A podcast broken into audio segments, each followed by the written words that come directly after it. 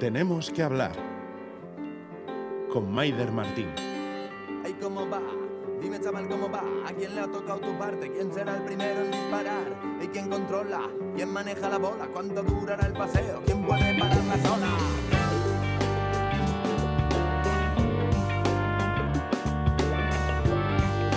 Hola, ¿qué? ¿Cómo les va? A nosotras nos pillan entre bambalinas, cambiando el foco, tratando de mirar de otra manera. Llevamos así desde la semana pasada, cuando conocimos las nominaciones a los Goya 2022. En aquel momento, los compañeros de la redacción de Cultura, a los que tenemos muy cerca, estaban en UNAI.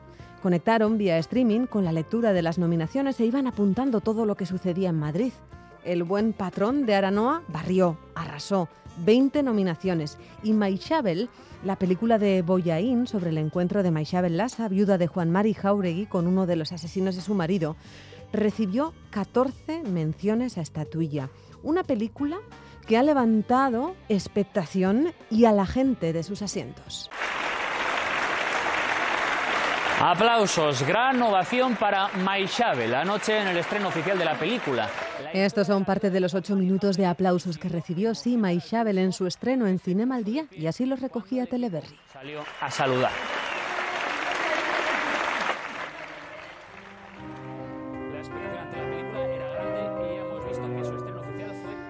Maixabel es una película en la que llueve aunque no llueva. Llueve a cántaros, dolor, llueven silencios, llueve muerte, pero también llueve empatía, o al menos llueven segundas oportunidades. Y estábamos pensando esto mientras José Coronado y Natalie Poza eh, seguían leyendo las nominaciones a los Goya, ya les digo, la semana pasada, y llegaron a esta parte. Y vamos con la mejor actriz revelación. Ángela Cervantes por Chavalas. Almudena Amor por El Buen Patrón. Nicole García por Libertad de Clara Roquet y María Cerezuela por Maisabel.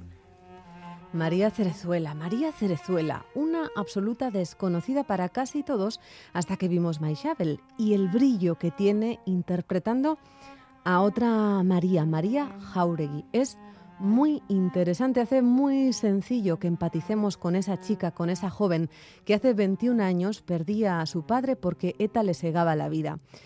Jauregui, la verdadera, es una mujer muy activa en Twitter, muy tímida en persona, reacia a dar entrevistas, pero ya les digo, muy activa por y para construir memoria y que este país continúe adelante sin dejar a nadie atrás. ¿Qué pensaría ella de la película y de la interpretación de María Cerezuela? ¿Y cuánto dolor le removió el rodaje de esta película, de este Maixabel de Boyaín? Queriendo saber eso, queriendo responder a todo eso y pensando que no nos iba a dar ninguna entrevista, nos pusimos en marcha y tratamos de encontrarla. Nos recibió por teléfono desde su casa de Legorreta, mirando por la ventana cómo crecía y crecía el río sin parar. Eh, llevaba tres semanas lloviendo. María Jauregui, ¿cómo estás? Muy bien. Bueno, gracias por estar aquí, es que ricasco, ¿eh? por estar aquí en Tenemos que hablar. Eh, mm. ¿Cómo has visto a esa otra María Jauregui de la gran pantalla? Bueno, bien, ¿no? Hay cosas que, que te hacen recordar ¿no? a todo lo vivido y otras cosas como también tiene, no hay que olvidar que se trata de una peli de ficción, pues que también tiene ¿no? otras cosillas. ¿En qué se diferencia? Mm, no sé, a ver, básicamente a grandes rasgos sí se sí se plasma, ¿no? Quizás, ¿no? Pero en otra en otros aspectos no, no, no sé. Yo parece como que en la peli igual se da, la sensación de que de que con las decisiones, ¿no? Que ha ido tomando mi ama, pues igual que no como que me costaba, ¿no? Apoyarla y ha sido todo lo contrario, ¿no? Desde el minuto cero la he apoyado, la he apoyado en todo. Em, ¿cómo, ¿Cómo fue saber que ibas a aparecer en una película que contaba la vida de tu ama, sí, pero también la tuya? Uf, pues la verdad es que al principio y ahora también, ¿no? Un gran vértigo, ¿no? Porque al mm. final es tu es tu vida personal, ¿no? Que la vas a ver pues más o menos reflejada en la en la pantalla, ¿no? Y y no sé, con, con muchos miedos también, ¿no? A ver cómo, a ver cómo, cómo va a salir.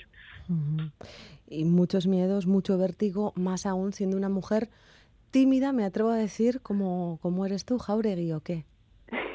sí, sí, siempre me ha costado, ¿no? Nunca me ha gustado hablar en los medios y siempre me he mantenido no un poco un poco al margen hasta que un compañero tuyo me, me lió y, y me lancé no a, a, contar un poco pues mi, mi experiencia y, y cómo lo he vivido yo y cómo siento las cosas. Un compañero mío, actual jefe sí. de informativos, ¿eh? Dani Álvarez, ¿no? sí, sí, sí, le costó lo suyo, pero al final, al final lo consiguió. Uh -huh.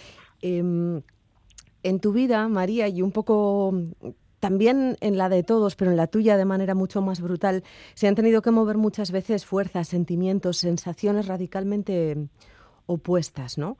Con esta peli también, quiero decir, ha sido halagador participar en ella, saber que se iba a hacer una peli que contaba eh, tu vida, eh, pero también ha sido duro. Bueno, dices el desarrollo de la película. Saberte envuelta en eso, ¿no? Sí, porque al final te, bueno, te remueve un poco, ¿no? Todo lo que, todo lo que has vivido, ¿no? Y en función de qué escena de la peli veas, pues a mí personalmente, pues te, me ha removido otra vez todo, pero, pero bueno, que todo esperemos o pensemos que, que en positivo que sirva para algo, que sirva al menos para que para que la gente pueda reflexionar sobre parte de lo sucedido y, con eso pues pues contenta. Hablas de escenas, eh, hay una muy impactante en la que se ve envuelta María Jauregui eh, y es eh, una que, que, nos muestra eh, como sociedad eh, y que habla de cómo utilizamos los silencios o cómo los hemos utilizado, ¿no? Y es cuando asesinan a tu padre, uh -huh. llegas a la cuadrilla y hay un silencio desgarrador, ¿no? Y, y, se cambia de tema, ¿no? Y eso lo refleja muy bien la película y eso te ha tenido que, que ocurrir a ti. No sé si es eh, la fórmula más cruel en la que, eh, o una de las fórmulas más eh, crueles en las que te pueden tratar los cercanos después del asesinato de tu padre. Eh, sí es verdad que esa escena e-, es bastante dura, pero también tengo que decir que no fue tampoco 100% tal y como se refleja en la pantalla. Uh -huh. eh, yo estaba con, mi, con mis amigas en el monte, eso sí es verdad, uh -huh. y en el momento todo sucedió muy rápido. Sí. Y en el momento en el que me comunican a mí que, bueno, vienen unos tíos míos a comunicarme en lo que sucedió, pues sí es verdad que que sentí, ¿no? O sea, me sentí muy mal, eh, me fui con ellos rápido y luego sí es verdad que ellas no se quedaron ahí ni de, ni de farra ni nada, ¿no? Eh, ellas luego pues yo recogieron todo y, y se volvieron para, para casa. Pero entiendo que los silencios los has tenido que vivir, ¿no? Esos silencios sociales. Ese aquí no sí, ha pasado bueno, yo, nada. Yo desde, siempre lo digo, yo desde mi experiencia personal, yo las amigas siempre las he tenido ahí, ¿eh? que, uh -huh. que uh -huh. sí es verdad que en ciertos momentos igual pues no hablas con tanto detalle sobre ciertas cuestiones, sí. pero siempre las he, las he tenido ahí. Uh -huh. eh, tú que trabajas tanto y de manera tan incansable por la memoria de, de este país, por mirar hacia adelante, no sé si tienes la sensación de que este trabajo eh, cinematográfico de que Maishabel eh, va a servir también para, para construir memoria, para, para hacer país para mirar hacia adelante y avanzar, vaya. No sé, yo creo que pueda que puede servir para ello, ¿no? Pero tal como está esta película, pues también hay otros muchos muchos documentales, otras películas que muestran otra otra parte o u otras experiencias, ¿no? De lo que hemos de lo que hemos sufrido aquí, ¿no? Yo siempre defiendo y defenderé los derechos humanos de todas las personas y desde ese punto de vista pues hay que reconocer pues toda la violencia que hemos que hemos padecido en este país no mm, toda la violencia y todas las violencias no eso es.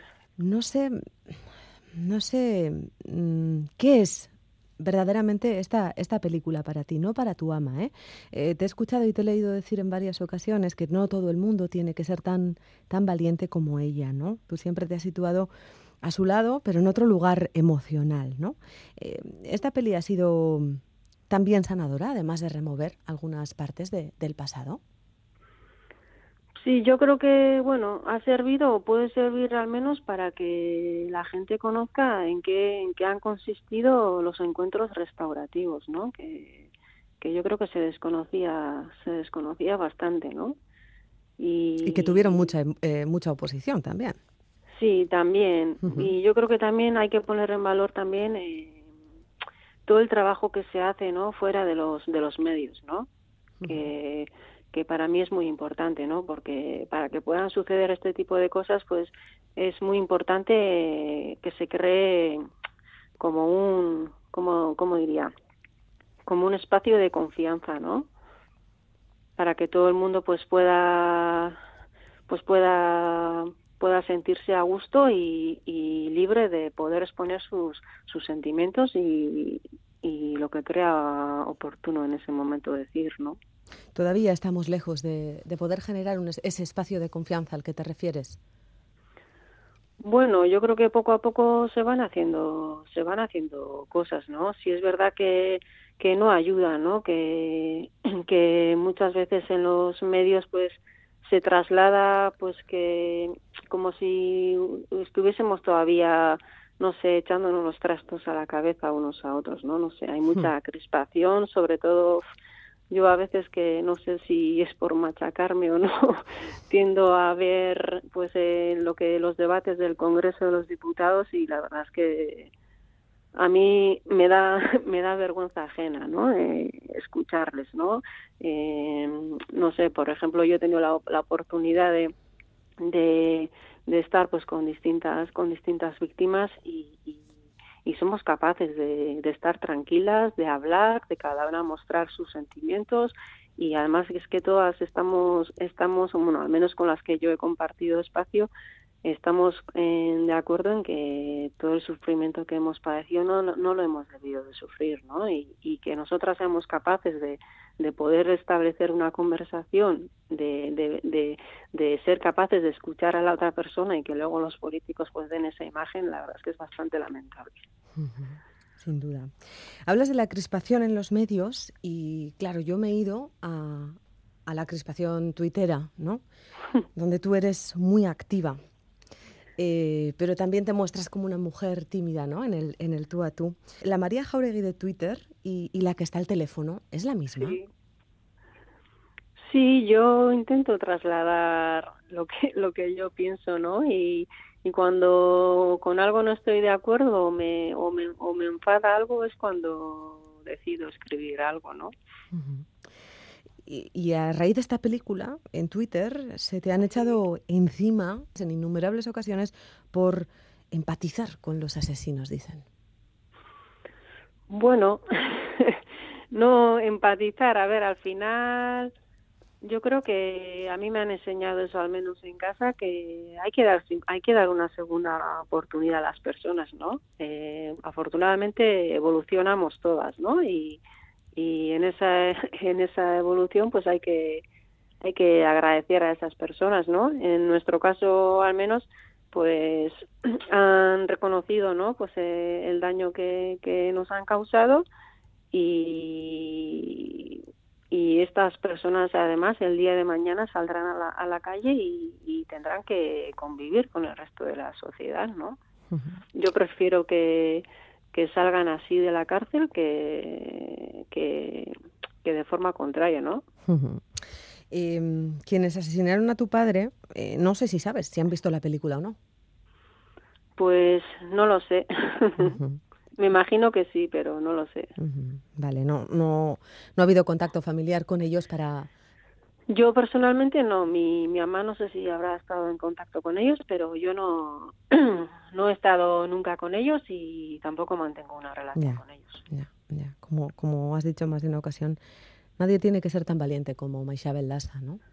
Sí, al final, a ver, cada una, todas somos muchas y todas somos diferentes, ¿no? Y, y hay que respetar pues a todas bueno, no quiero meter más el dedo en la llaga, ¿eh? eh que si no me vas a acabar tirando de, las orejas y tampoco es plan, ¿eh? Volviendo a la peli. Sí. ¿Tiene que ser raro que de repente te llame mm, una desconocida, María Cerezuela, y tener que quedar con ella porque te dice que va a hacer de ti, ¿no? ¿Eso cómo fue? Sí, me, me llamó Iciar Boyain, ¿no? Ajá. Me comentó quién iba a hacer la película y... o Y tú no la me- conocías, ¿no? ¿O qué? Yo no la, no la conocía, ¿no? Y que, que a ver si quería estar con ella, que y nada, pues este estuve, eh, quedé con ella una, una tarde y estuvimos tomando un café, un café largo, y estuvimos, estuvimos charlando, sí, me parece una chica muy, muy maja y la verdad es que con la nominación que ha tenido a los Goya, pues eh, me ha alegrado bastante, sí, por ella. Mm. ¿Y de qué se habla con un desconocido? No sé. Uf, pues, Del tiempo, ¿no? Pues no sé, un poco tomando, ¿no? Como referencia a la película, pues empiezas a hablar desde ahí y, y vas vas uniendo una cosa con otra, ¿no? Al final, pues no sé, cosa espontáneamente, ¿no? Pues la conversación va surgiendo y, y nada, bien. Mm. No sé si te has reunido con ella en, en algún momento. Sé que estuviste, por ejemplo, en el estreno de la peli en, en Cinema al Día. No sé si ahí eh, pudiste hablar con ella un momento o si os habéis escrito eh, tras la nominación de Cerezuela. Mm, En la en el estreno de la peli sí estuve con ella, pero nada, un ratito que tampoco tuve tiempo de hablar hablar mucho con ella. Y cuando supe de la nominación enseguida le escribí, ¿no? Para felicitarla, sí, cómo no. O sea, que te has gustado en la piel de Cerezuela. bueno, yo creo que ha hecho, que hace un buen, un buen trabajo, ¿no? Mm, Sí. Además, yo creo que eh, al ser o al venir ella, ¿no? Del mundo del teatro, ¿no? Pues a ver si le sirve, ¿no? A ella también, pues para crecer profesionalmente y que tenga más, que se le abran nuevas puertas. Ella es, es toda luz. Pero va a ser la entrevista que cierre, porque ahora lo que vamos a hacer es, es poner en valor del lugar del que sale María Cerezuela, que es de la Gasta y Compañía de Pabellón 6, aquí en. Bilbao, son referentes teatrales, y se habla poco de esta compañía joven, muy joven. Tú también hablas poco en los medios, no te gustamos mucho, ¿eh? y esa es mi suerte, no sé por qué, pues has decidido eh, atender esta, esta llamada, María Jauregui. Sí. Espero no haberte hecho sufrir demasiado con, con la entrevista. Ha sido, No, no. ha sido un placer conocerte, ponerte voz, además de las palabras que leemos en Twitter. ¿M? Mm, Es que ricasco. Un abrazo fuerte, cuídate. Bai, besarkada bat berdin. Agur. Agur. Pues lo dicho, allá voy a encontrarme con la Gasta y Compañía de Pabellón 6, que por cierto está de obras creciendo y repensando un lugar propio para que los jóvenes actores y actrices tengan un espacio permanente. Hola, Buenas. ¿qué tal?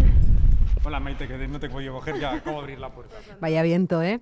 Quien me abre la puerta es Galder, es ayudante de dirección de Ramón Barea. Están ensayando Luces de Bohemia, en concreto, la escena de los modernistas. Bajaron ustedes hasta las Cibeles. Ahí ha sido la faena entre los manifestantes y los polis honorarios. A algunos le hemos dado mulé. Todos los amarillos. Esta obra abraza a varios actores de la compañía joven que se mezclan con los más experimentados. Los protagonistas, por ejemplo, son Alfonso Torregrosa y Yone Irazábal en los papeles de Max Estrella y Don Latino de Hispalis. La propina cuando cobre el premio. No mira eso, la Enriqueta. Hay mucho nivel, ya lo escuchan. Son jóvenes, pero son buenos, muy buenos. La Gasta Compañía surge por primera vez con Romeo y Julieta, allá por 2016. María Cerezuela debuta un año después, con Aborígenes. Es su primera gran obra de teatro. Todavía se está representando. En Luces de Bohemia toman parte algunos de sus compañeros, de los que actuaron con ella en Aborígenes, como Yeray Vázquez o Unai Elizalde, pero mejor que se presenten ellos mismos. Soy Yeray Vázquez. Mi nombre es Sandra Martín Gómez. Hola, yo soy Diana Irazábal. Api Nagore Cenizo Arroyo. Unai Elizalde Zamacona. ¿Y vosotros todos formáis parte de la Gasta Compañía? Así es. Eh, ¿Quiénes sois en Luces de Bohemia? Eh, en Luces realmente estamos cubriendo el coro, eh, que in- en este caso interpretamos a viva voz las acotaciones que vendrían en el texto que de manera original no se, no se recitarían. Y, mm, bueno, hay nervios por estrenar. ¿Cuándo estrenáis? El 17 de diciembre en La Riaga. Sí. Pues, pues mira, a flor de piel, eh, estamos casi todas entre algún herpes, el frío, los moquillos, lo otro. No sé si es el tiempo o que ya estamos eso, aquí, aquí ya. Pero total confianza en el proyecto, o sea, sabemos que va a salir algo muy bonito de aquí. ¿Cómo llegáis vosotros mm, a la Gaste? Me imagino que a través de casting. Sí, así, tal cual como lo, lo has comentado. O sea, fue un poco en mi caso terminar de estudiar, que yo estudié en Dancerti y terminé los cuatro años y fue como, no, eh, este, este año hay otro casting para la... Uy, allí que voy. Y nada, toqué la puerta y se abrió. Yo estaba estudiando programación, bueno, había hecho antes de la universidad un poco de teatro, pero no había tenido ocasión de hacer clases. Y descubrí que iba a existir este proyecto el primer año, el de Romeo y Julieta, pero yo iba a estudiar fuera y no pude. Pero se apuntó mi hermana, que sí entró. Y, y cuando volví dije, bueno, no sé si empezar a formarme o tal, pero voy a probar primero suerte en, en, la, en la Gaste Compañía y salió en la Aborígenes la segunda promoción y, y, no y ahí he estado ya enlazando cosas y así. O sea, tú dices que estabas estudiando otra cosa totalmente diferente, programación, has dicho, ordenadores. Digipen. O sea, que quiere romper todos los estándares que dicen que la gente que está programando y así son seres como muy solitarios, ¿no? Que, ah, en- Viven ahí en su, en su había de- con sus 20 ordenadores. que, En clase había de todo, había gente con, inter- con intereses muy distintos. He conocido a gente de programación con intereses muy abiertos. Y a mí ya me gustaba el teatro de antes, pero como que tenía esta cosa de, bueno, una carrera tal, pues al final estoy más en esto que en lo otro. Pero sabes que acabas de romper el, típico cliché del cine, ¿no? Bueno, pu- puede ser. A ver, que luego yo muy reservado también soy. Actuando es una cosa y en la, en la calle es otra. Por cierto, tenéis eh, una compañera de, de la Gaste, María Cerezuela, que acaba de ser nominada a los Goya, ¿no? De esa nominación surge este programa, ¿no? Para poner en valor la Gaste compañía. No sé, cuando os enterasteis, ¿qué? Pero sí, lo de María, lo de María fue un te lo dije. Eh, sí, de- y de hecho es lo que le dije cuando hablamos eh, de la nominación, porque en el mismo instante en el que nos enteramos que iba a estar en la película le dije, María, atenta que te va a venir el- la nominación al Goya. Ah, no, ¿qué dices, tío? María, que te va a venir. Y al final le ha venido y ha sido un te lo dije. Se me ponen los pelos de punta, chico. sí. O sea, que todos la conocéis, ¿no? Y habéis estado más o menos vinculados a ella porque forma parte también de la Gaste. Sí, eso es. Y es un amor y se merece estar ahí. Y de hecho, Antes de montar la sede, ella escribió y dirigió una obra contando con gente de Lagaste hace años, antes de que existiera la sede como sala, como tal, un lugar donde arder. María Cerezuela ha dejado claro ¿no? que, que la Gaste Compañía es eh, una cantera, ¿no? que sirve, que sirve y vaya, que sí sirve. ¿Dónde os veis vosotros de aquí a, a unos años? Eh, Hacerle esta pregunta a un actor hay que ser muy desvergonzada, creo, ¿eh? porque estáis siempre en la cuerda floja ahí. Pues eh, si hablamos de esperanza diría que con trabajo, me da igual dónde. Y si hablamos de realidad, de lo que dices tú, en funambulismo absoluto, continuamente. ¿Vosotros compartís esa sensación? Sí, sí, o sea, el futuro es un futuro muy cercano. El lejano es como, bueno, pues cuando se vaya acercando ya lo veremos más claro, pero es como, a mí se me hace difícil. y- o sea, imaginar se puede imaginar una, ¿no? Pero, mm, pero bueno, no sé, también dejarte sorprender un poco por lo que venga. Sea lo que sea, ¿no? No, no se puede prever. Bueno, pues no robo, no robo más tiempo. Como no podemos prever el futuro, lo único que me queda deciros es mucha mierda ¿eh? y pocos herpes de aquel 17. ¿eh? Por favor, muchas gracias. Antes eran ERTES, ahora son ERPE. supongo, supongo que preferís lo segundo. No es por nada. ¿eh? Gracias. Y Es es que que ricasco. esperamos allí. Bye. Es que ricasco.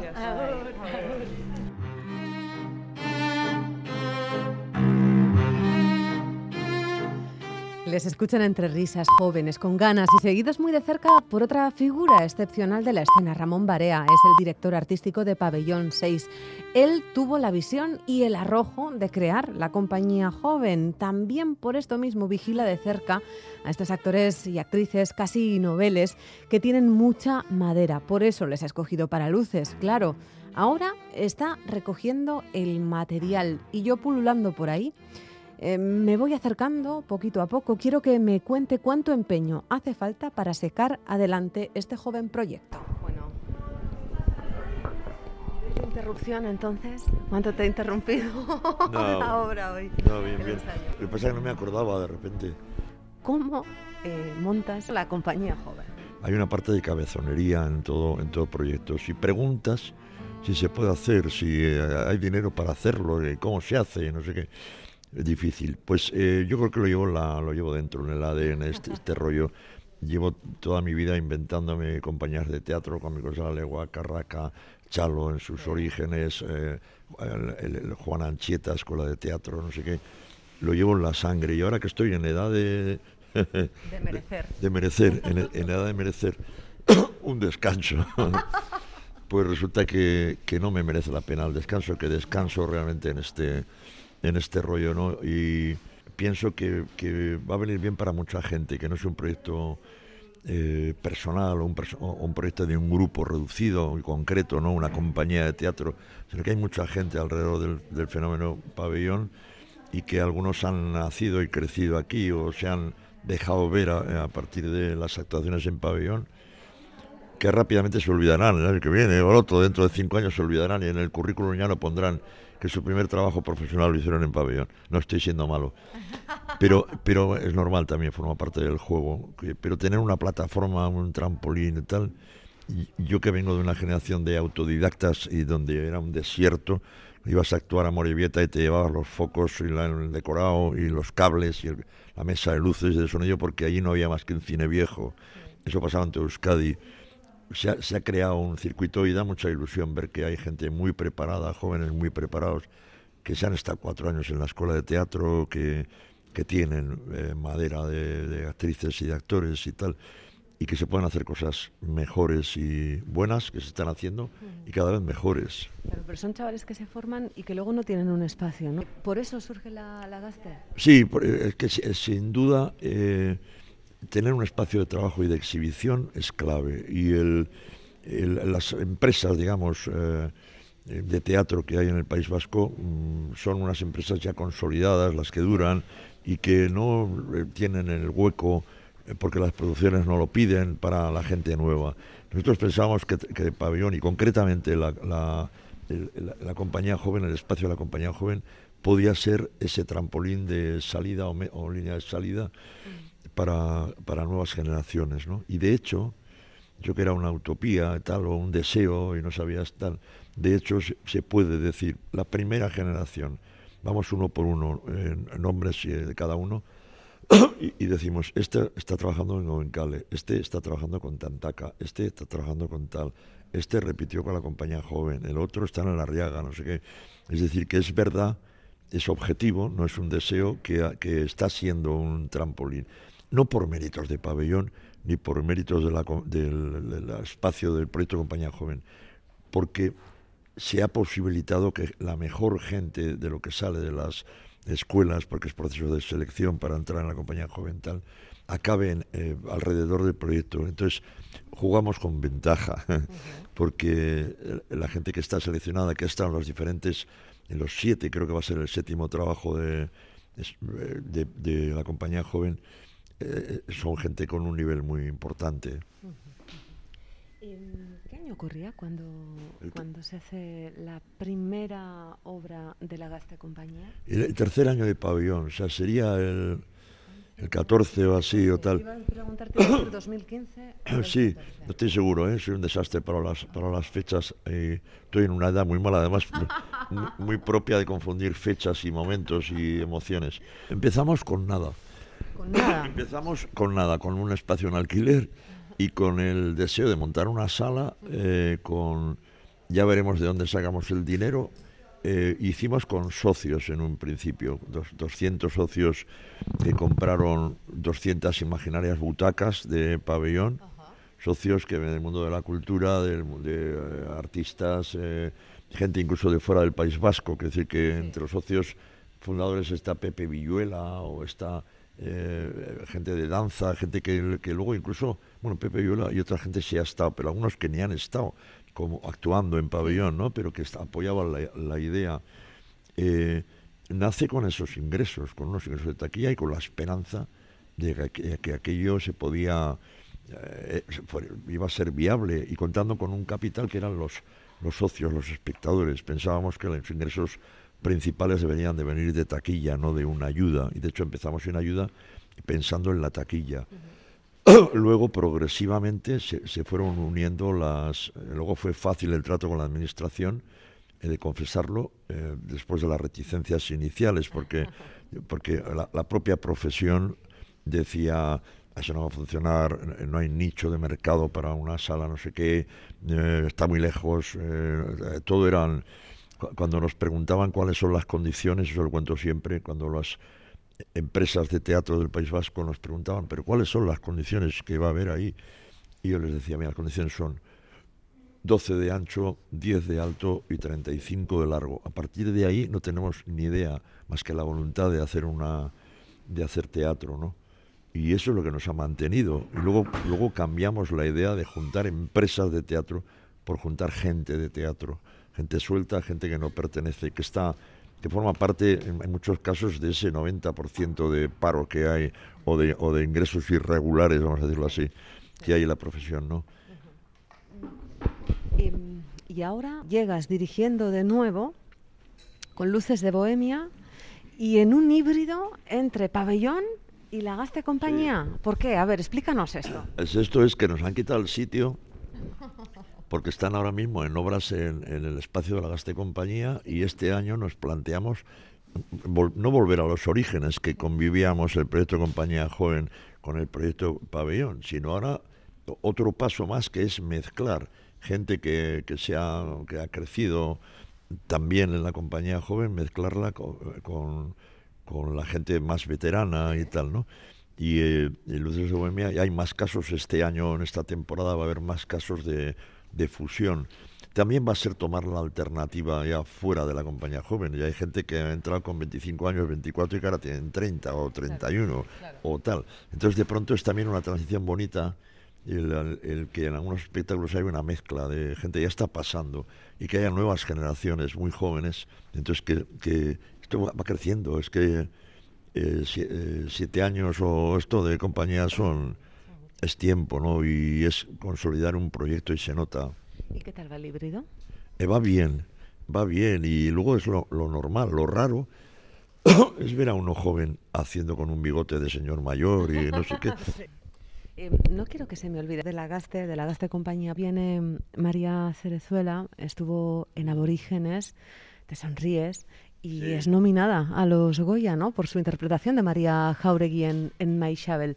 No sé cómo se te quedó el cuerpo cuando, cuando lo supiste, ¿no? Yo me alegré un montón con María. A María le tengo mucho aprecio. Yo no he trabajado directamente con María. De hecho, Claro, porque los aborígenes no los dirigiste tú. No, lo dirigió Felipe Loza eh, y fue un descubrimiento para yo me quedé con el reparto con todos, evidentemente, pero María eh, tiene algo especial, algo, algo muy singular que hace que, que te fijes en ella, en sus cualidades tal. Y yo me llevé mucha alegría. Primero cuando le seleccionaron, con Hiciera Boyain, hizo un casting muy riguroso y tal, vio mucha gente y fue una gozada y, es una alegría. Pero también es de decir acto seguido que, que es fundamentalmente mérito de la propia María Cerezuela, que se lo ha currado, que también viene de escuela, que, que se toma su oficio en serio. Aquí tuvo la oportunidad de trabajar en la compañía joven y, y seguirá trabajando en cosas y, y todo eso, pero es mérito suyo. Nosotros hemos tenido la fortuna de, de que ha estado cerca de nosotros y presumimos de María porque es nuestra amiga. Pero eso es como el Actors Studio. Tiene es magnífico el Actors Studio. Salió ahí Marlon Brando y dice, no, Marlon Brando ya estaba y, y le dio el prestigio al Actors Studio seguramente y tal, ¿no? Quiero decir que esto, eh, yo creo que se nace, uno se hace también en esto, pero hay unas cualidades que vienen ya de fábrica y yo creo que María Cerezuela las tenía ya de siempre por su forma de ser. Vamos, que me alegra mucho y nos hemos alegrado mucho todo, todo el personal del pabellón y de la joven. Bueno, pues a seguir. Gracias por todo y nos hemos quedado solos. ¿eh? Nos hemos quedado solos porque se han ido todos a cargar la furgoneta. O sea, que te has librado. Yo me he librado con este cuento de la entrevista. No, todavía nos queda otro viaje de furgoneta y esto que se ve ahí, que son trajes colgados, dos módulos de madera y no sé si quedará algo. Luego habrá que echar la mirada esa final, a ver si nos dejamos algo, un peine o alguna cosa. Gracias. A ti.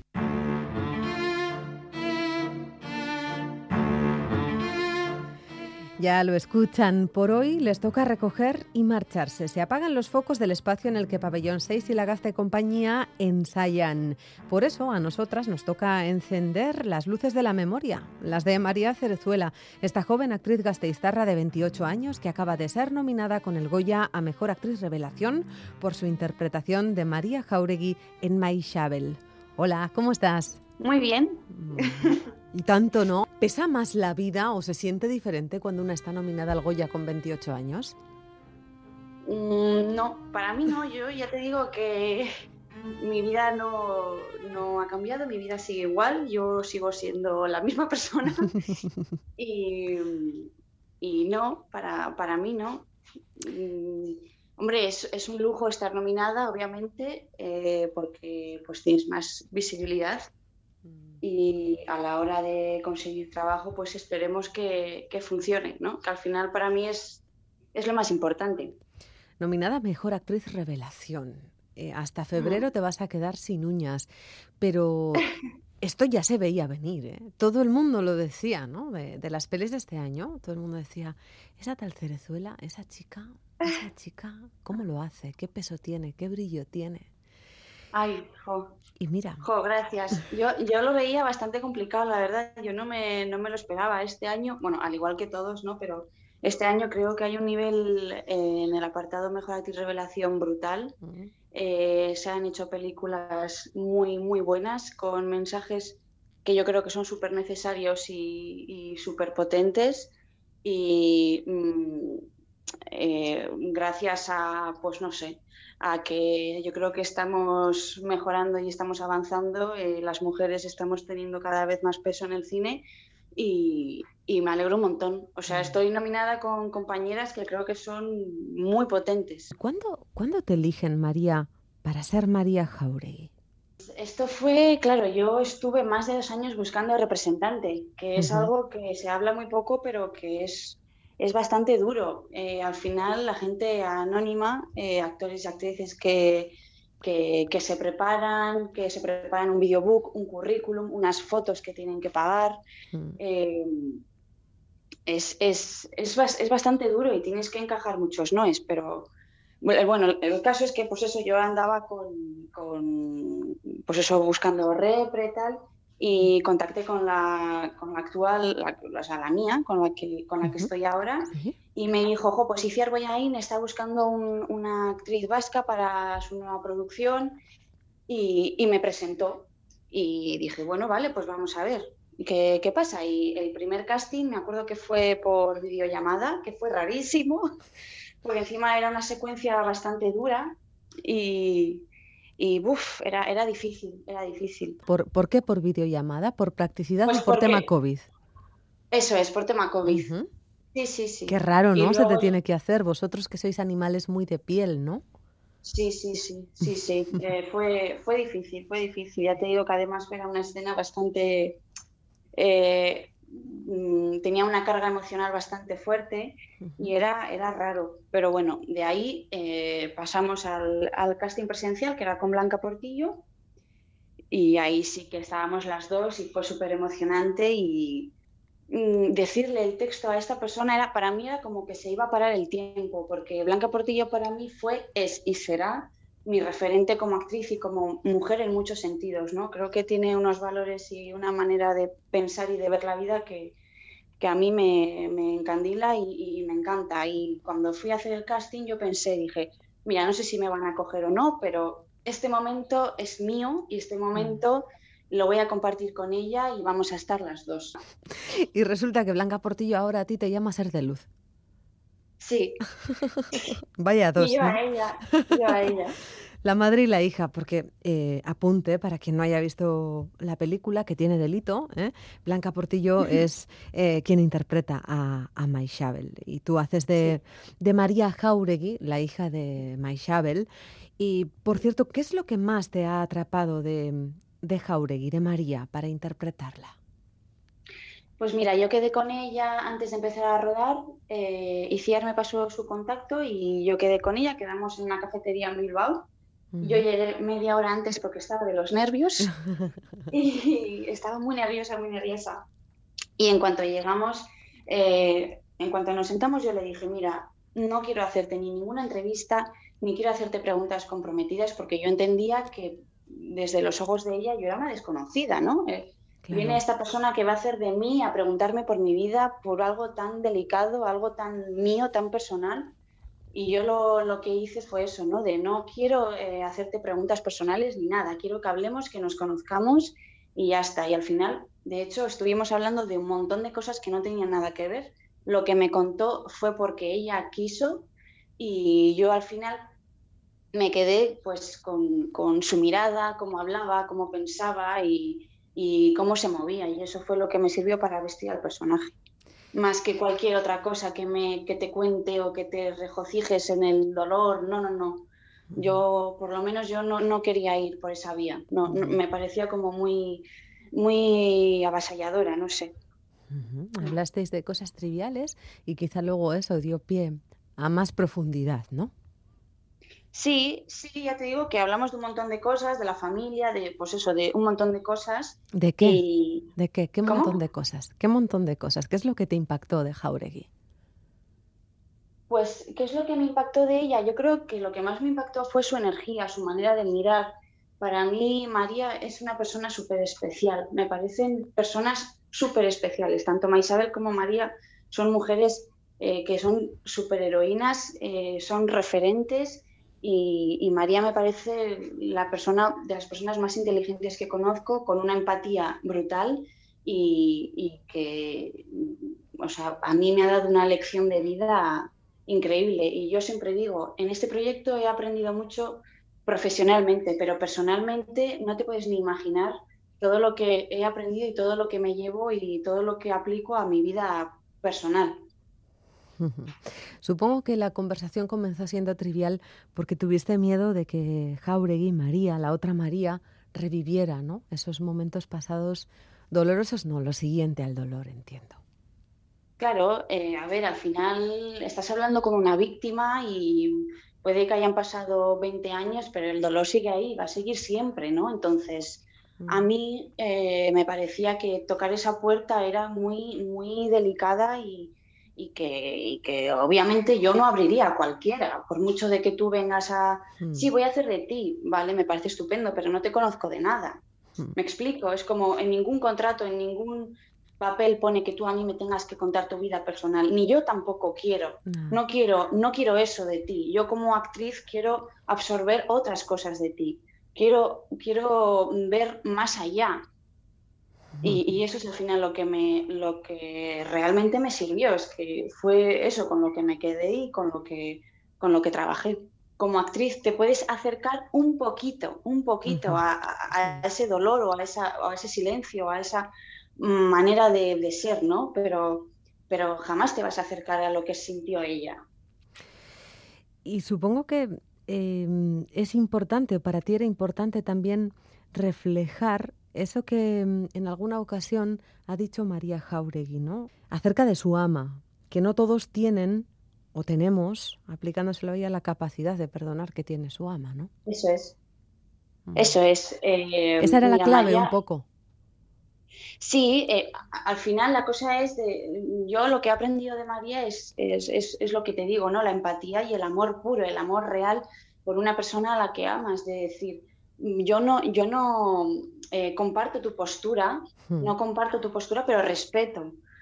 Ostras, es que tela, ¿eh? Yo me pongo en su lugar y digo, yo no sé si sería capaz de ver a mi ama eh, reunirse con los asesinatos de mi padre. Yo no sé si por hmm. egoísmo, por egoísmo, porque los seres humanos, todos y todas somos egoístas por naturaleza, ¿no? Hmm. Yo no sé si dejaría a mi madre reunirse con los asesinos de mi padre, por mucho que me dijera que ella lo necesita, ¿no? Pero es que esta mujer, esta mujer tiene la capacidad de poder decir, mira, yo no, no comparto esto, pero respeto que, que, lo hagas, porque mi amor hacia ti va mucho más allá de mi, de mi ego, ¿no? O sea, me parece algo increíble, es que es hasta difícil de, de asimilarlo. Claro, eh, alguien tiene algo tan potente, ¿no? Eh, enfrente, eh, como la historia de, de esta familia, potente contra su Sí. voluntad, evidentemente, ¿no? Han tenido que ser valientes, fuertes e iniciar un camino de, de perdón y de reconciliación, pues muy doloroso. Em, y supongo que lo primero que piensa es, uff, lo que tengo delante, ¿no? Yo sé que esta peli, yo, María Cerezuela, sé que esta peli va a ser muy importante no solo para mi carrera eh, profesional, porque es una película dirigida por Iciar Boyaín y protagonizada Sí. por Blanca Portillo, sino para la memoria de, de este país, ¿no? Sí, sí, yo Eso pesa, que- eso pesa un poco como losa, María, cuando, cuando arranca el proyecto. Es que tú eres muy joven, tienes 28 años. Sí, yo me acuerdo que en la primera prueba de maquillaje y vestuario que tuvimos para la peli, que fue cuando conocí a Iciar in situ, vaya, que, que- que nos vimos, nos tocamos, eh, yo le dije a Iciar, eh, tengo un miedo horrible. Yo se lo dije, dice, Iciar, yo no sé si voy a poder hacer esto. Cuando me enteré también que estaba Luis Tosar, era como, a ver, me estoy metiendo en un sitio donde yo no sé si soy capaz de dar la talla, de estar a la altura de, de estas personas que son atletas de, de- de la interpretación, ¿no? Yo no lo sé, y me dijo, decías, no te preocupes, estate tranquila. Y a partir de ahí, eh, cuando empezamos a rodar y durante el rodaje, yo me sentí súper querida, súper protegida. Y, y sí que es verdad que yo, pues lo que dices, ¿no? Es, es un peso muy importante el que llevas, porque yo creo que el personaje de María es con el que más eh, se, puede, se puede identificar el público, ¿no? Normalmente, o sea, el público me refiero al espectador. ¿Por qué? Eh, jolín, eh, yo me pongo más en la piel de María de decir, "Jo, pues yo ya te digo, yo no sé si podría reunirme con los asesinos de mi padre. Yo creo que eso lo pensamos la mayoría, ¿no? Todas y todos. El caso especial es Maisabel, que es una mujer, es de otro planeta, ¿no? Entonces, claro que tienes este- que llevas ese peso y que llevas esa carga y además es que estás haciendo, no es, no, no estás interpretando a un personaje ficticio, es un personaje real, es un personaje que lo tienes ahí, que te está viendo, que te está escuchando, que está bien, o sea, que va a ver el resultado de lo que tú has hecho. Entonces es una responsabilidad muy grande y, y yo ya te digo que yo he intentado trabajar desde el amor, yo me he dejado el alma y, y lo he intentado hacer con todo el respeto y todo el cariño y toda la admiración que tengo hacia María y hacia Maisabel y hacia la historia. Vaya. Por cierto, no sé si has tenido feedback de la otra María, de Jauregui. Sí, sí, sí, sí, hablamos. eh, me felicitó por lo de la nominación, que para mí, ya le dije que fue, su felicitación para mí es de las más importantes. Eh, las que obviamente valoro todas, pero esta como que me la llevo Claro. a mí, porque eso significa que, que he hecho, por lo menos, que, que mi trabajo ha llegado a la gente Y, mm, por cierto, ¿y la Gaste qué? ¿Cuánto te ha aportado en tu evolución como actriz Gaste Compañía? ¿Cómo llegas tú a ella? ¿Viniendo de dónde? Hmm, Pues yo la gasté, mira, yo acabé mis estudios en la BAI, en, la, en Mm. Concha y Castellía, y, y, bueno, me enteré que Pabellón 6 iba a hacer un casting, eh, que se iba a hacer una obra, bueno, algo relacionado con Federico García Lorca, y, y allí que fui al casting eh, y, y me cogieron, y la obra es Los Aborígenes, Lorca Dalí Buñuel, la dirige, la, eh, la dirige Felipe Loza. Y para mí Felipe Loza es un maestro. A mí Felipe me, me, me- de alguna manera me ha enseñado, eh, o sea, yo estuve cuatro años en la escuela, pero, ¿cómo decirte? Realmente yo creo que aprendes cuando pones eh, la carne en el asador y pones todo en acción, ¿no? Claro. Y además Felipe es una persona que como director sabe perfectamente lo que quiere, cómo lo quiere y te, y te- y te explica por qué, ¿no? Tú tienes que hacer esta acción porque, pues, por X motivo, ¿no? Y, y- y yo recuerdo esa época, el año 2016-2017 que estuvimos, eh, como las épocas más felices de mi vida. Mm. O sea que tú Eh, saliste... coincidimos, coincidimos un equipo precioso, un equipo de actores y actrices maravilloso, que hicimos una familia increíble. Y luego el tema también, uf, eh, al final los aborígenes es la vida de Lorca desde que nace hasta que muere y cómo en la residencia se encuentra con Dalí y Buñuel. Y, y fue maravilloso, fue maravilloso. O sí. O sea que tú dejas la BAI, terminas tus estudios y te escogen para aborígenes. Sí, eso es. O sea que fue tu primera experiencia con el teatro. Los aborígenes para mí, eh, ya te digo que fue una época preciosa, es una obra que, que, que disfruto muchísimo haciéndola, que me remueve mucho y que, que, que te pone los pelos de punta. Así que a todo el mundo que recomiendo, ya que voy a hacer publicidad, el- en febrero hacemos, no me acuerdo de qué día, ahí soy un desastre. Bueno, estamos en el teatro de Basauri, que haremos los aborígenes y recomiendo a todo el mundo que vaya porque no va a salir indiferente. Em, es importante ¿no? que existan compañías eh, jóvenes como la Gaste y, mm, para daros un primer empujón laboral, ¿no? Sí. Porque el claro, mundo sí, de sí. los actores es vivir siempre en la cuerda floja.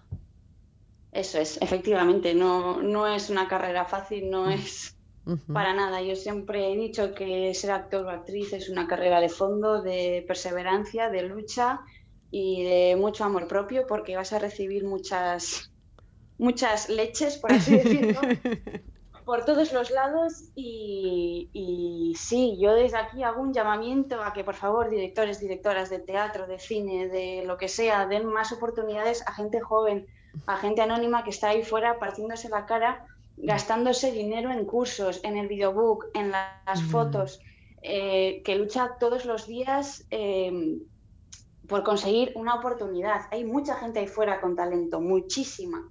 ¿Y ahora la evolución hacia dónde? La tuya. ¿Tienes proyectos en el horizonte o solo quieres estar un poco tranquila y seguir rumiando este momento dulce?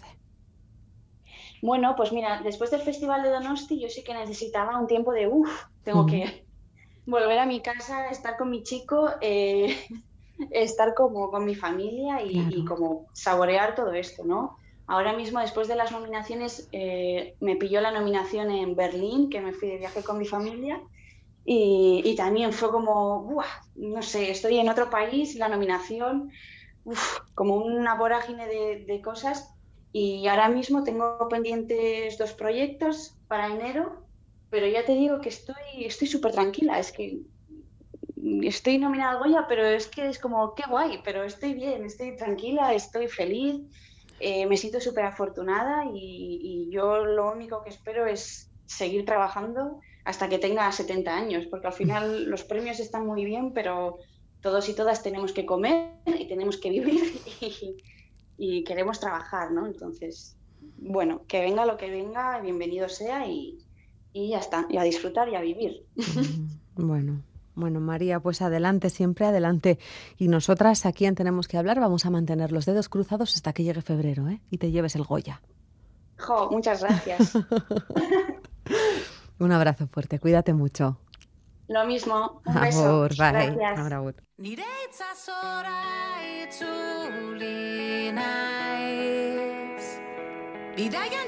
Ahí la tienen, 28 años, impetuosa como esta canción, sobradamente preparada. María Cerezuela, gane el Goya o no, firma su primer gran trabajo con Maixabel y a su vez contribuye a crear memoria. Una joven de Gasteiz que dio sus primeros pasos en la Gaste Compañía. Si no han visto ninguna obra de estos jóvenes, no esperen demasiado, porque buenos son un rato.